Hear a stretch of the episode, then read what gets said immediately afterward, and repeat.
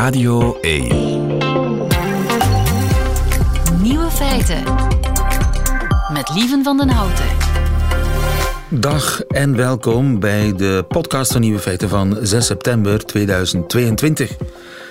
In het nieuws vandaag de protestactie van Tesla-rijders in Noorwegen. Vorige week kwamen er 20 boze Tesla-eigenaars samen in Oslo. Kwaad op Elon Musk, want volgens hen is er een probleem met de kwaliteit van hun auto's. Ze starten niet bij koud weer, de ruiten sluiten niet helemaal, de nieuwe laadkabels passen niet op de oude modellen en zo gaat de lijst met klachten nog een tijdje door. Als één groot krachtdadig blok verenigden 20 eigenaars en hun auto's zich en ze gingen in hongerstaking. Een duidelijk signaal naar Tesla-baas Elon Musk. Balans na de eerste 24 uur. 16 van de 20 deelnemers heeft de hongerstaking opgegeven omdat ze honger kregen. Het nieuws van de hongerstaking is ook bij Elon Musk terechtgekomen en hij heeft gezegd dat hij zelf af en toe ook vast en dat hij zich daar een stuk gezonder bij voelt. De andere nieuwe feiten vandaag. Google weet alles over u, ook al weigert u cookies. Dat toont de Google Clicker, die gebouwd is door Bert Hubert, een Nederlandse IT-specialist. Nog zes bomen kampen voor de titel Boom van het Jaar. Feitenchecker Rien Emery onderzoekt de wilde verhalen over Brigitte Macron en de nieuwe feiten van Bas Birker, die hoort u in zijn middagjournaal. Veel plezier. Radio 1. Nieuwe feiten. Held van de dag is zonder twijfel Bert Hubert, want Bert Hubert heeft de Google-teller gebouwd, uitgevonden, gelanceerd. Goedemiddag, eh, Bert. Een goedemiddag. Bert, volgens mij horen we hem al een klein beetje op de achtergrond, de Google-teller. Inderdaad. Ik, ik hoor een, een nerveus klikje. Dus de Geigerteller. eh, de Geiger, ik zeg Geiger, Geigerteller. Ja, Geigerteller ken ik natuurlijk. Dat is een apparaat om straling te meten. Maar jij hebt een Googerteller gemaakt. Wat is een Googerteller? Ja, nou, de naam is inderdaad geïnspireerd door de Geiger-teller. En het idee daarbij is dat wij weten allemaal dat als wij eh, het internet gebruiken en surfen, dat heel veel informatie naar Google gaat en naar Facebook en andere dingen. Maar het is een beetje abstract. Dus je kan het wel vertellen aan mensen van joh, we hebben 500 cookies gezien. Maar ja, het doet je eigenlijk niks, want je merkt er niks van. En om een eh, awareness te creëren dat dit gebeurt, dacht ik op een gegeven moment, wat nou als ik een computerprogramma maak wat een klein piepje maakt iedere keer als jouw computer iets over jou vertelt aan Google of aan Facebook of aan een andere adverteerder. En dus de voorbije minuten, terwijl we nu aan het praten zijn, is eh Matthias zijn computer, want Matthias zit ook in de studio, want het ding werkt eh, niet op Microsoft, eh, alleen op Apple. En Matthias is helemaal Apple. Huh? Matthias, je hebt die Google- Google-teller eh, geïnstalleerd. Ik heb hem geïnstalleerd en ik heb nu gewoon mijn laptop openstaan. Ik ben niets aan het doen. Hè. Je bent niets aan het doen. Nee. Wat is er dan nu aan het gebeuren, Bert? Nou, op de achtergrond is het zo dat heel veel apps en heel veel computerprogramma's, maar ook heel veel apparaten bij je in huis, periodiek berichtjes naar Google sturen. En om even een absurd voorbeeld te noemen, als je met een eh, Android-telefoon eh, de trap oploopt, is het al mogelijk dat als je boven bij de trap bent aangekomen, dat er een berichtje naar Google gaat. Joh, hij is nu op de eerste verdieping. Ja, dat is, het is bijna niet te geloven. En dat is ook eh, een van de charmes op zich wel van dit computerprogrammaatje. Ehm, dit apparaten die over jou aan het ehm, klikken zijn aan Google, die zijn daar niet al te expliciet over. Die vertellen jou dat niet echt. En, ehm, en het bleek dat als je echt wil weten wat er gebeurt, kan je het net zo, net zo goed best wel je eigen apparaat afluisteren, je eigen netwerkverbinding. En dan zie je letterlijk ieder berichtje voorbij komen, inclusief dat soort rare berichtjes van, eh, joh, hij is nu op de derde verdieping. Dus we zijn nog niet eens aan het surfen. Ja, en op de achtergrond is er toch al een soort klikgeluidje. En bijvoorbeeld eh, eh, Gmail en Google Calendar. Die zitten de hele dag een beetje te praten met Google of er nog eh, nieuwtjes zijn. En dat is op zich ook wel te begrijpen, want hij moet natuurlijk wel ontdekken dat er een nieuw e-mailtje is aangekomen. Maar aan de andere kant, het is dat permanente geknisper op de achtergrond wordt uiteindelijk toch wel eh, een beetje vervelend. Ja. Maar dus Google krijgt een bericht als ik een mail stuur. Ja, maar dat, dat kan op zich ook niet anders, want zij, zij moeten het mailtje wel versturen. Ja, oké. Dus, eh, dus dat is dan denk je van, nou, dat klopt natuurlijk wel. Maar het wordt pas echt vervelend als jij dingen aan het doen bent op je computer waarvan je denkt van, joh, dit hoeft helemaal niemand te weten. Bijvoorbeeld je klikt een, een tapje open of zo, of je drukt op de knop ik solliciteer. En dan hoor je ook allemaal berichten gaan. En dan denk je, ja, dat had nou niet gehoeven van mij. Wat, waar, gaan we naartoe, Matthias? Ja, zeg maar. Zeg maar. ehm, Zullen we naar de spoorwegen de gaan? spoorwegen, de ja. NMBS. Oké. NMBS. Eh, Want misschien is dat interessant voor Google. NMBS.be, komt die? Jesus Christ. Wat gebeurt er? Ik schrik me rot. Ja, nou wat je hier hoort is als je verbinding legt met een nieuwe website, dan worden de eerste instructies opgehaald bij Google en bij Facebook van joh, welke advertenties moet ik nou tonen? En dat hoor je dan vaak als zo'n geluidje. Daarbij heb ik ook nog verschillende toonhoogtes gemaakt. Als de toonhoogte wat hoger is, dan is die met Facebook aan het praten. En is het wat lager, dan is het meestal Google. En er zit ook nog, dat ik weet niet of dat te horen is op de radio, maar er zit ook nog een stereo effect in. Dat Google zit aan de ene kant en Facebook zit aan de andere kant van het geluid. Het zit links en rechts. Ja. Wat en, is dit? eh, Matthias, jij hebt een privébericht. Dat is- O jee. Maar wat Nee, je hoort is dus het, het, eh, het ophalen van advertenties. Dat is aan het begin. En, eh, maar daarna als je dan dus doorklikt, bijvoorbeeld naar van eh, nou, ik wil nu eh, reisinformatie hebben of zo. Dan hoor je dus weer, bij iedere klik hoor je dan weer zo'n klein prup geluidje. En dan, ja, dan gaat er vaak toch weer een update naar Google. ja, maar moet Google weten waar ik naartoe wil? Ja, dat is maar helemaal de vraag. De deal die websitebouwers soort gesloten hebben met Google. Is dat zij zeggen: wij willen graag statistiekjes hebben over onze bezoekers. Dus welke stukjes van onze site zijn populair, waar komen onze bezoekers vandaan. En Google creëert daarvoor een heel mooi eh, panel waarmee je dat allemaal kan volgen. Maar in ruil daarvoor vertel jij als websitebeheerder ehm, alles over iedere bezoeker aan jouw website aan Google. En dan is de vraag, is dat nou nodig? En, en eerlijk gezegd, als je statistisch een beetje onderlegd bent, dan weet je, als jij wil weten welke stukjes van mijn site zijn populair, ja, als je maar voldoende bezoekers hebt, dan heb je maar van 1% van je bezoekers data nodig. Want je kan een steekproef doen. Dan zeg je, joh, vertel mij van 1 op de 100 gebruikers waar ze klikken, dan weet ik echt wel welke stukjes van mijn site populair zijn of niet. En dat is dus proportioneel, zoals dat dan heet voor je statistiek. Maar als je zegt van ik ga iedere klik en iedere scroll en iedere beweging doorgeven, zodat ik wat leuke grafiekjes heb, eh, dat is echt volslagen overdreven. Laten we eens naar ons eigen huis gaan. Hè, Matthias, wat denk je? Oké. Radio1.be, Bijvoorbeeld? oké. Komt die? Oei. Ai, ai, ai. Zijn wij nu advertenties aan het verkopen? Ik denk het. Eh, ja. Nou, dat is dus het fascinerende. Het is, het wordt, dit soort geluidjes zijn geassocieerd aan de ene kant met advertenties. Maar bijvoorbeeld op de site van de Nederlandse overheid. eh, als je voor de Nederlandse overheid wil werken, werkenvoornederland.nl. ehm, daar staan geen advertenties op. En toch hoor je bij iedere klik op die site eh, weer een klein berichtje gaan. waarmee de statistiekjes naar Google gaan. Dus het is een, voor een deel zijn het echt advertenties die je hoort. Maar voor een deel zijn het ook puur mensen die jou in de gaten aan het houden zijn. van joh, wat zijn de interesses van deze mensen? Ja, en ook dat is voor latere adverteerders dan wel heel interessant. Ja, dat is, want eh, er ontstaat dus een heel eh beat-circus. Dus als je naar een site gaat die, die helemaal vol staat met advertenties, dan wordt er een veiling georganiseerd, een real-time veiling, waarbij allemaal partijen mogen bieden op de kans om een advertentie aan jou te laten zien. En daarbij wordt dan je hele voorgaande surfgedrag eh, betrokken. Dat ze zeggen van nou, deze, deze man is in de markt voor een nieuwe auto. Dus eh, ik ga wel 3 euro bieden voor een, eh, een auto-advertentie.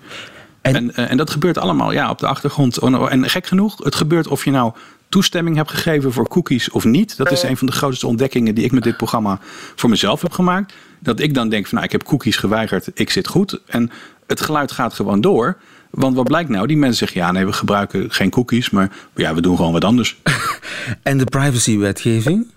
Ja, die staat hier op, op zeer gespannen voet mee. En eh, ik heb met een aantal grote eh, bedrijven ge- gesprekken gehad naar aanleiding van, van mijn eh, ja, geluiden.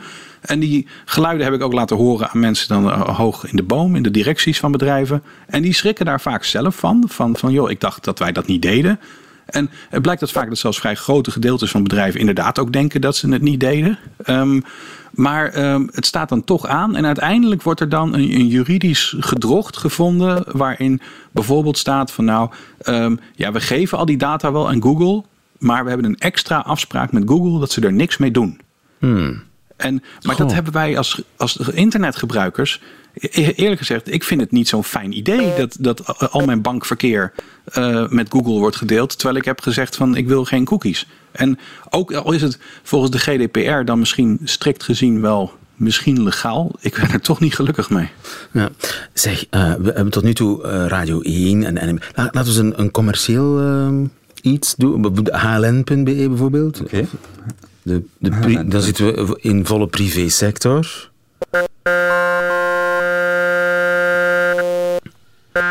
Het went nou, niet. Je, nee, je hoort dat het niet te doen is. En het gek genoeg heeft het voor mij ook een effect gehad dat, dat ik inderdaad, als ik merk dat sites heel veel lawaai maken, dan denk ik, nou, ik ga voortaan wel naar de, de publieke omroep. Uh, want die site maakt veel minder lawaai. Want ik vind het gewoon heel erg, erg storend. En dat was ook wel een beetje de, de gedachte hierachter. Dat je dat abstracte gevoel van ja, er wordt allemaal over mij eh, gelekt. En het zijn allemaal cookies. Maar ja, daar merk ik niet zoveel van. Dat je dat echt omzet in van nou, ik vind dit gewoon heel vervelend. Want het is een irritant rotgeluid. En ik ga wel naar de mensen van de publieke omroep, want die hebben veel minder lawaai. Ja. Weten bedrijven altijd wel, of verenigingen die een website bouwen, dat zij eigenlijk alle informatie van de gebruikers doorsturen naar Google? Nee, zij weten dat vaak niet. En hoe komt dat nou? Als jij nu zegt, ik begin een nieuwe website en ik gebruik daarvoor een, een standaard recept, een, een template zoals dat dan heet, of een framework.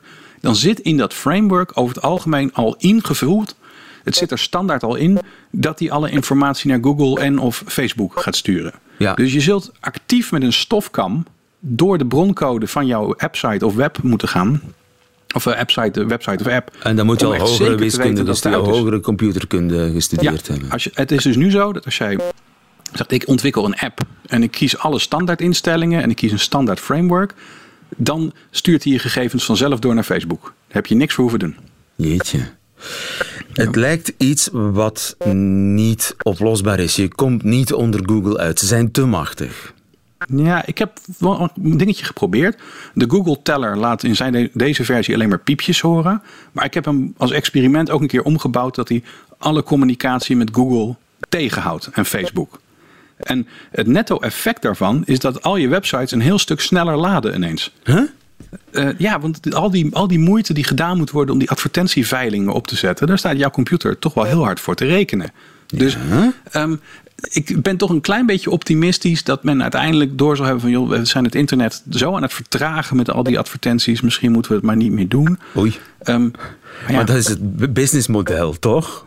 Ja, dat ben ik met je eens. Maar het, het, het, ik, ik, ik probeer nu in ieder geval te laten horen en dat horen wij hier nu op de radio ook, hoe gigantisch het probleem is. En, uh, en dan hoop ik dat we uiteindelijk tot oplossingen kunnen komen. waarmee we niet door uh, eh, 40 bedrijven in de gaten worden gehouden. iedere keer als we een nieuwswebsite bezoeken. Ja, want dat zijn maar bedrijven, maar het zal maar eens in verkeerde, echt verkeerde handen komen. We moeten niet, hebben niet eens zoveel fantasie nodig. In, in, dat er een dictator komt en die weet alles over ons. Of dat dat systeem gehackt wordt door iemand met slechte bedoelingen. Ja, maar om een voorbeeld te noemen, ik heb dus gekeken van wat wordt er nou gestuurd uh, naar die adverteerders. En daar zie je bijvoorbeeld dat de complete naam van de webpagina die, jou bezoekt, die jij bezoekt, wordt doorgestuurd. Dus er staat dus niet alleen gaat naar vrt.be, maar gaat naar vrt.be slash onze uitzending over geslachtsziektes. Oké. En, um, en veel bedrijven voegen daar, als ze nog iets meer weten van een gebruiker, voegen ze daar nog wat extra dingetjes aan toe.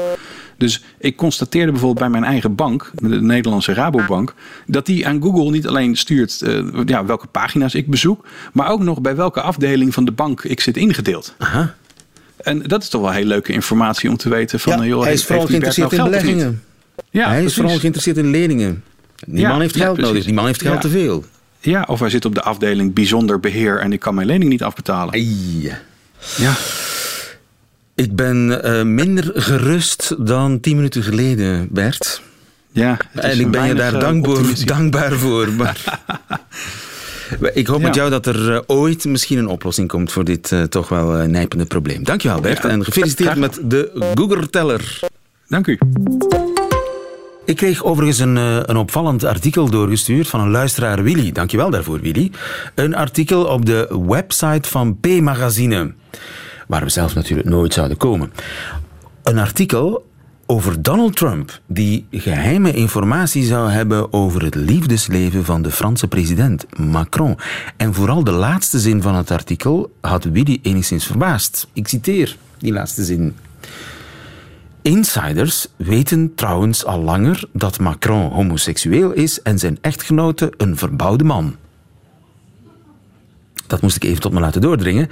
En met dat soort uh, bizarre berichten kan ik natuurlijk maar bij één man terecht.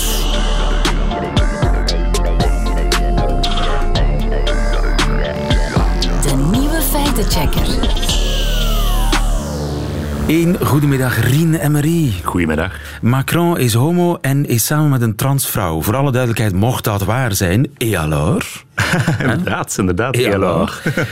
maar zag je dat verhaal ook al uh, circuleren? Um, ja, het gaat al meer dan een jaar mee. Um, meer dan een jaar? Meer dan een jaar, ja. En het was ook wel relatief viraal in Frankrijk natuurlijk, net voor de presidentsverkiezingen die eerder dit jaar plaatsvonden, waarbij dat tegenstanders van Macron uit de marge het ook wel opgepikt hebben en beginnen verspreiden zijn om hem wat te belasteren. Ja, maar het zijn, het zijn twee verhalen. Hè? Eén, twee verhalen, het verhaal Brigitte en dan het, het verhaal Macron zelf. Ja, maar het gaat dan voornamelijk over dat, over dat uh, Brigitte-verhaal dat bedoeld is ook om te insinueren dat Macron homoseksueel is. Hij is niet alleen homoseksueel, maar zijn vrouw is eigenlijk vroeger, was vroeger een man.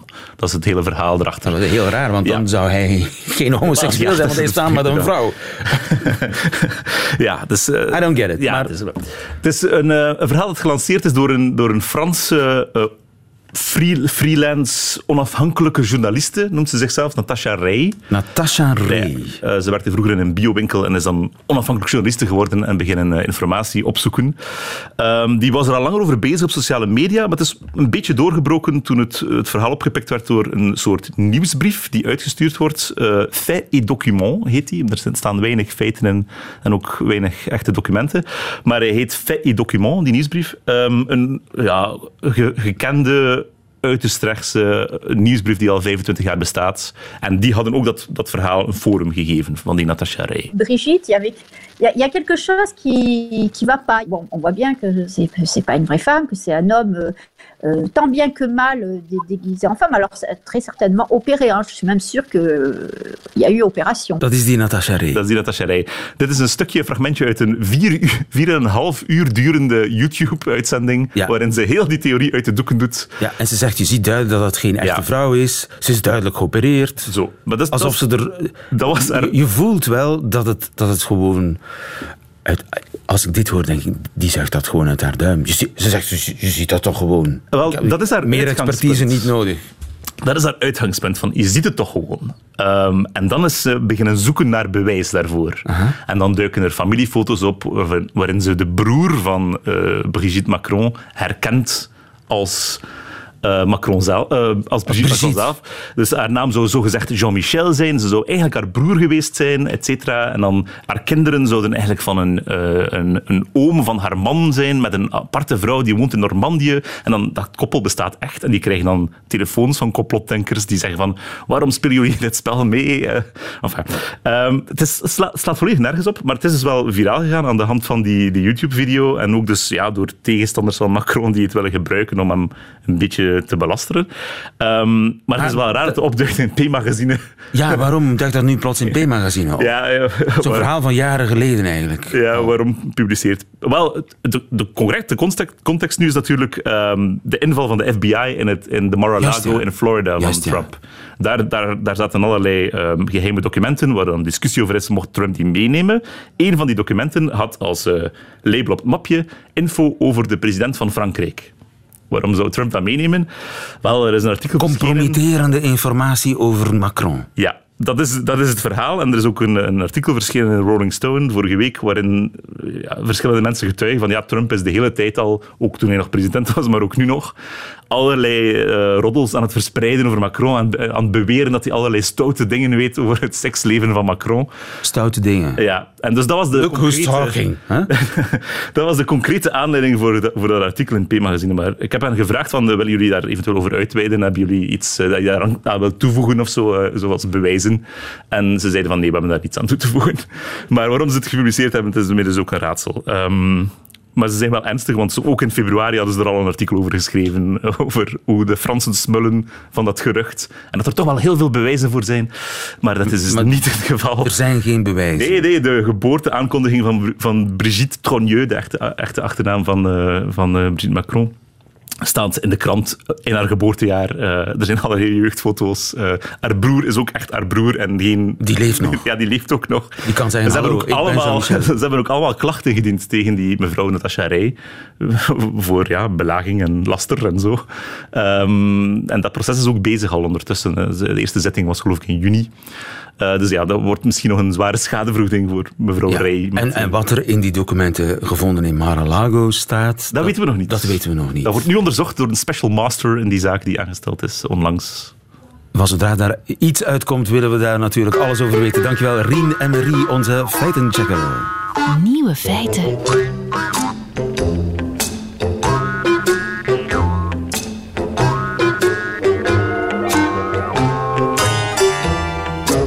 Triestig nieuws heb ik voor u.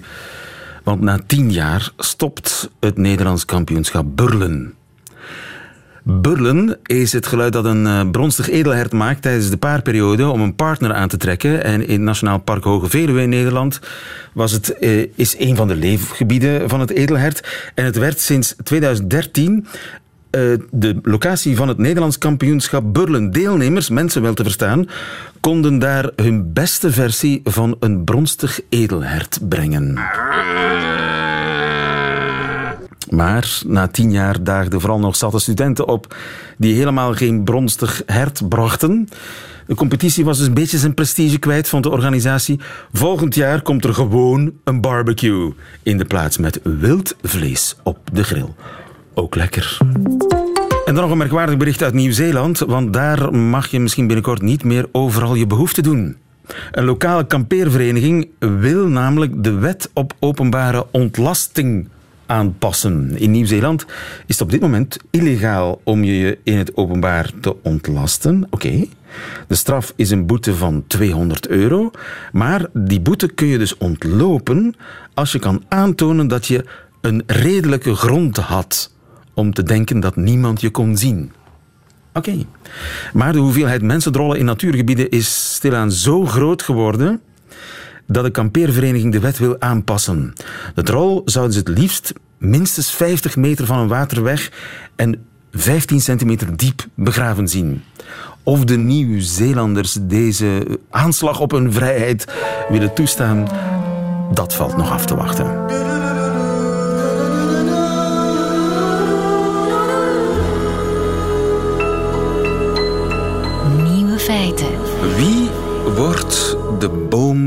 Het jaar? Dat bepaalt u, Jurgen Tak. Goedemiddag. Goedemiddag. Jurgen Tak, jij bent eh, voorzitter van de jury van de verkiezing Boom van het jaar. Dat klopt. Dat is, Maar dat betekent niet dat ik de winnaar aanduid. Jij bent de juryvoorzitter. Onder jouw auspiciën is een soort lijst met genomineerde bomen eh, samengesteld. Die eh, Boom van het jaarverkiezing, is dat een soort Miss België voor bomen? Wel, zo zou je het kunnen zien. Eh, alleen eh, bij Miss België wordt vandaag de dag nog steeds heel erg gekeken naar het uiterlijk. Aha. En wij gaan absoluut voor de inhoud. De boom moet een verhaal hebben. En het is het verhaal waarop de jury eigenlijk eh, de keuze maakt om de boom in elke provincie aan te duiden. Maar er zitten toch geen gedrochten tussen? Wel, laat ons zeggen, eh, afhankelijk van eh, hoe je dat bekijkt, eh, heel vaak zijn het bomen met een, met een geschiedenis. Dat maakt dat ze al enige ouderdom hebben. En we hebben de neiging om oude bomen mooi te vinden. Dus ja, ik geef toe, er zitten niet meteen gedrochten tussen. Ja. Nu, bomen worden nog al te vaak scheef bekeken. Hè? Ja, voor heel veel mensen is een boom iets dat schaduw geeft, dat bladafval geeft. En ja, heel vaak eh, moeten ze de baan ruimen eh, voor Je, kan er wat, eh, je wat de zou er wel eens kunnen vindt. tegenrijden. Tegen zo'n boom. Ook dat, Die zou wel eens dat kan. kunnen omwaaien, zo'n boom. Ja, hij, heeft, hij, heeft wat, eh, hij geeft wat ongemakken, maar tegelijkertijd eh, zorgt die boom voor het wegnemen van, eh, van fijne stofdeeltjes, zorgt voor zuurstof. Dus hij is, hij is echt wel een goede vriend van de mens. Ja, zijn voordelen worden onderschat. Zijn voordelen worden absoluut onderschat. En ik denk eh, dat we vandaag de dag zien, eh, met de vraag naar bijkomende bossen, eh, ja, dat elke, elke boom telt. Ja, het is ook psychische hygiëne. Hè? Als je heel veel bomen in de buurt hebt, je wordt er rustig van. Ja, inderdaad. Uh, mensen die regelmatig wandelen in natuur en dan in het bijzonder uh, in een bosrijke omgeving, die worden daar inderdaad rustig van. En er is intussen via een aantal wetenschappelijke studies aangetoond dat dat ook een positief effect heeft op de gezondheid. Overigens, in hele rijke gemeenten wordt er eh, gek genoeg veel minder gekapt dan in armere gemeentes. Raar, hè? Uh, ja. Sint uh, staat vol bomen.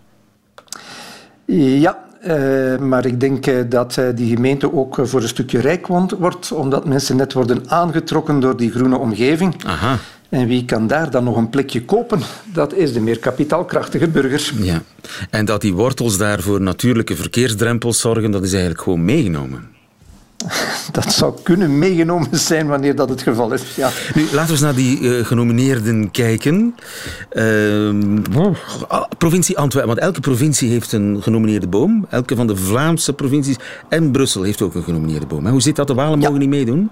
Uh, de Walen mogen ook meedoen, maar laten we zeggen, de, de boom van het jaar wordt in Wallonië georganiseerd in de oneven jaren. Ah. Vlaanderen doet dat in de even jaren. Een beetje Eurovisie Songfestival. Het is een beetje een songfestival, want we doen dat niet alleen in Vlaanderen uh, of Wallonië. We doen dat uh, over gans Europa. En de winnende boom uh, in Vlaanderen die stroomt door naar, ah, naar de Europese Die mag finale. naar de Europese finale. En wat krijgt hij voor de rest?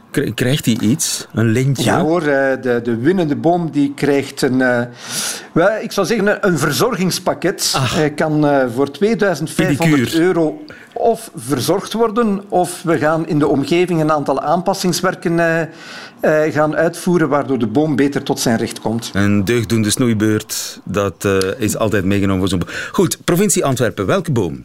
Ja, voor de provincie Antwerpen is dat een plataan geworden. En die staat in Sint-Katelijne-Waver. En heeft hij een naam? De boom zelf die heeft geen naam, maar die heeft wel een, een hele geschiedenis.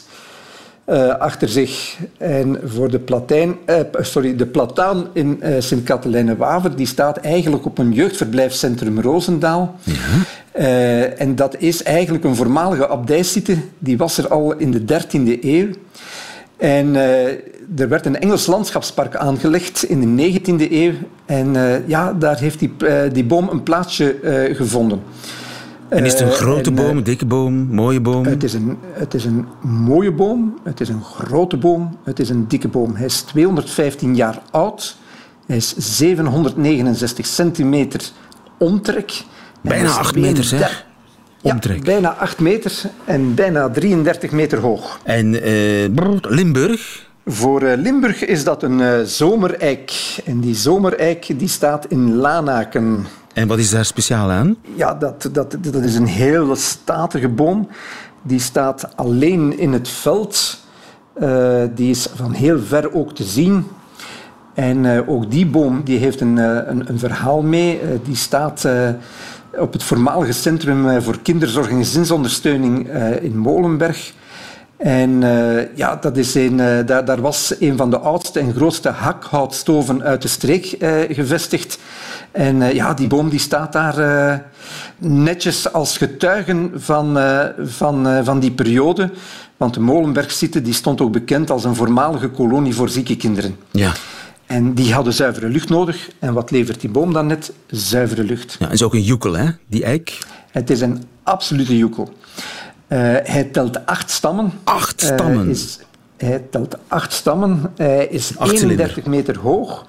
En als we dan, uh, laten we zeggen, in zijn totaliteit nemen, ja, dan, dan, dan haalt hij eigenlijk... dan gaat hij nog een beetje dikker worden dan onze vorige boom. Maar, eerlijkheidshalve, de vorige boom is eigenlijk de dikste. Want deze heeft wel acht stammen om tot die ja. omtrek van 830 centimeter Ja, die zeurt een beetje. Die zeurt inderdaad een heel klein beetje. Ja, en uh, Oost-Vlaanderen, welke boom uh, wordt er in Oost-Vlaanderen naar voren geschoven? Voor Oost-Vlaanderen is dat een moerascypres. En die oh, is dat geen exoot? In... Een, een cypres? Wel, een, uh, wel, laten we zeggen, een cypres is, is geen inheemse soort, maar laten we zeggen, die staat op een domein van, een, van een familie die eigenlijk een heel arboretum uh, heeft aangelegd in, in Eename. Dat, Eename? Is het, in Eename, ja. Dat is het huis Bocarne. En ja, die, die staat er reeds sinds de 18e eeuw. Uh, opnieuw uh, een zeer indrukwekkende boom, uh, 35 meter hoog, wow. 270 jaar oud en een omtrek van 470 centimeter. Ga er maar aan staan. Uh, wel, laat ons zeggen, die, daar heb je een aantal mensen nodig om die te kunnen omarmen. En we, virtueel omarmen we alle bomen natuurlijk die genomineerd zijn. Breng uw stem uit uh, via boomvanhetjaar.be. Is dat de website? Dat is absoluut de website. En iedereen die stemt, kan op twee verschillende bomen stemmen. Ik ga het zeker doen. Dankjewel Jurgen Tak. Veel succes met de Boom van het Jaarverkiezing. Heel graag gedaan en succes bij het stemmen. Ziezo, dat waren ze, de nieuwe feiten van vandaag. 6 september 2022. Alleen nog die van Bas Birker nu in zijn middagjournaal. Nieuwe feiten. Middagjournaal. Liefste landgenoten. Met hand en tand heb ik jarenlang mijn geboorteland verdedigd. Maar nu is het klaar en dat is de schuld van Jumbo. En ja, ik zeg Jumbo en niet Jumbo. Ook al haat ik iets met volle overtuiging, dan is dat nog geen reden voor een foutieve uitspraak. Facebook schotelde mij vanmorgen een advertentie voor. Kom langs op de allerleukste winkelopening 7 september. In groot kapitaal. Blijkbaar opent er morgen nog maar eens een nieuwe gele supermarkt. Dit keer in Niel. Oude wijn in nieuwe zakken. Ik weet sowieso niet wat ik moet met die informatie. Ik woon in Merksem. Waarom zou ik drie kwartier file willen rijden voor een supermarkt? Tenzij voor de allerleukste winkelopening natuurlijk. Mijn nieuwsgierigheid was geprikkeld. Zijn er clowns? Massages, gratis drank en overhapjes à volonté mogen alle klanten een minuut gratis winkelen. Speelt Ramstein op het dak, terwijl een gigantische stalen vallers plakkend schuim over de wachtrij spuit. Jumbo! Jumbo! Jumbo! 999. Wat de allerleukste winkelopening dan wel de allerleukste winkelopening maakt? Wel, de eerste 300 klanten krijgen een gratis bosje supermarktbloemen. Dat en zolang de voorraad strekt, krijgen alle klanten tot en met zondag ook nog eens een gratis shopper. Niet zo iemand die de boodschappen voor u doet, maar een plastic boodschappentas. Met een koeienletters Jumbo erop. Zodat u als tegenprestatie voor uw bezoek aan de allerleukste winkelopening reclame kan maken voor het bedrijf dat u al die levensvreugde schonk. U hebt gelijk, lieve luisteraars. Nederlanders geven geen zak om ons Vlamingen. Ze denken dat het leven hier zo verschrikkelijk triest is dat we winkelen met een gratis bosje bloemen en dito zak beschouwen als de allerleukste winkelopening. Nieuwsflash Jumbo: bloemen zijn dood na een paar dagen. Als we graag willen kijken hoe dingen langzaam sterven, dan kijken we wel naar de Nederlandse politiek. En over die shoppers. Zelfs de allerarmste mensen hebben hier al stevige winkelzakken. Daar zit hun hele inboedel in. De rest van de Belgen heeft er minstens 87 die we dan ook nog altijd vergeten mee te nemen. Uw gratis zak verdwijnt met alle andere shoppers in een krat van de koolruit. Daar krijgen we namelijk wel drank en snacks tijdens openingstijden.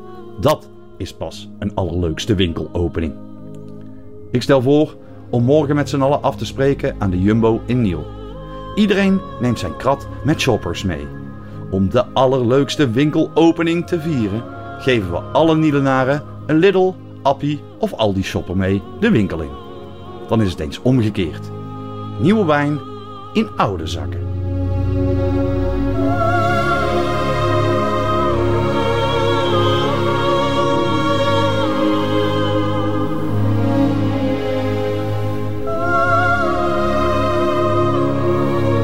Shoppen met Bas Birker, altijd een plezier. Eh, Bas Birker in het middagjournaal. Einde van deze podcast. Hoort u liever de volledige uitzending van Nieuwe Feiten met de muziek erbij. Dat kan natuurlijk live elke werkdag tussen 12 en 1. Of uitgesteld via On Demand, zoals dat tegenwoordig heet. Via de Radio 1 app of website. Tot een volgende keer.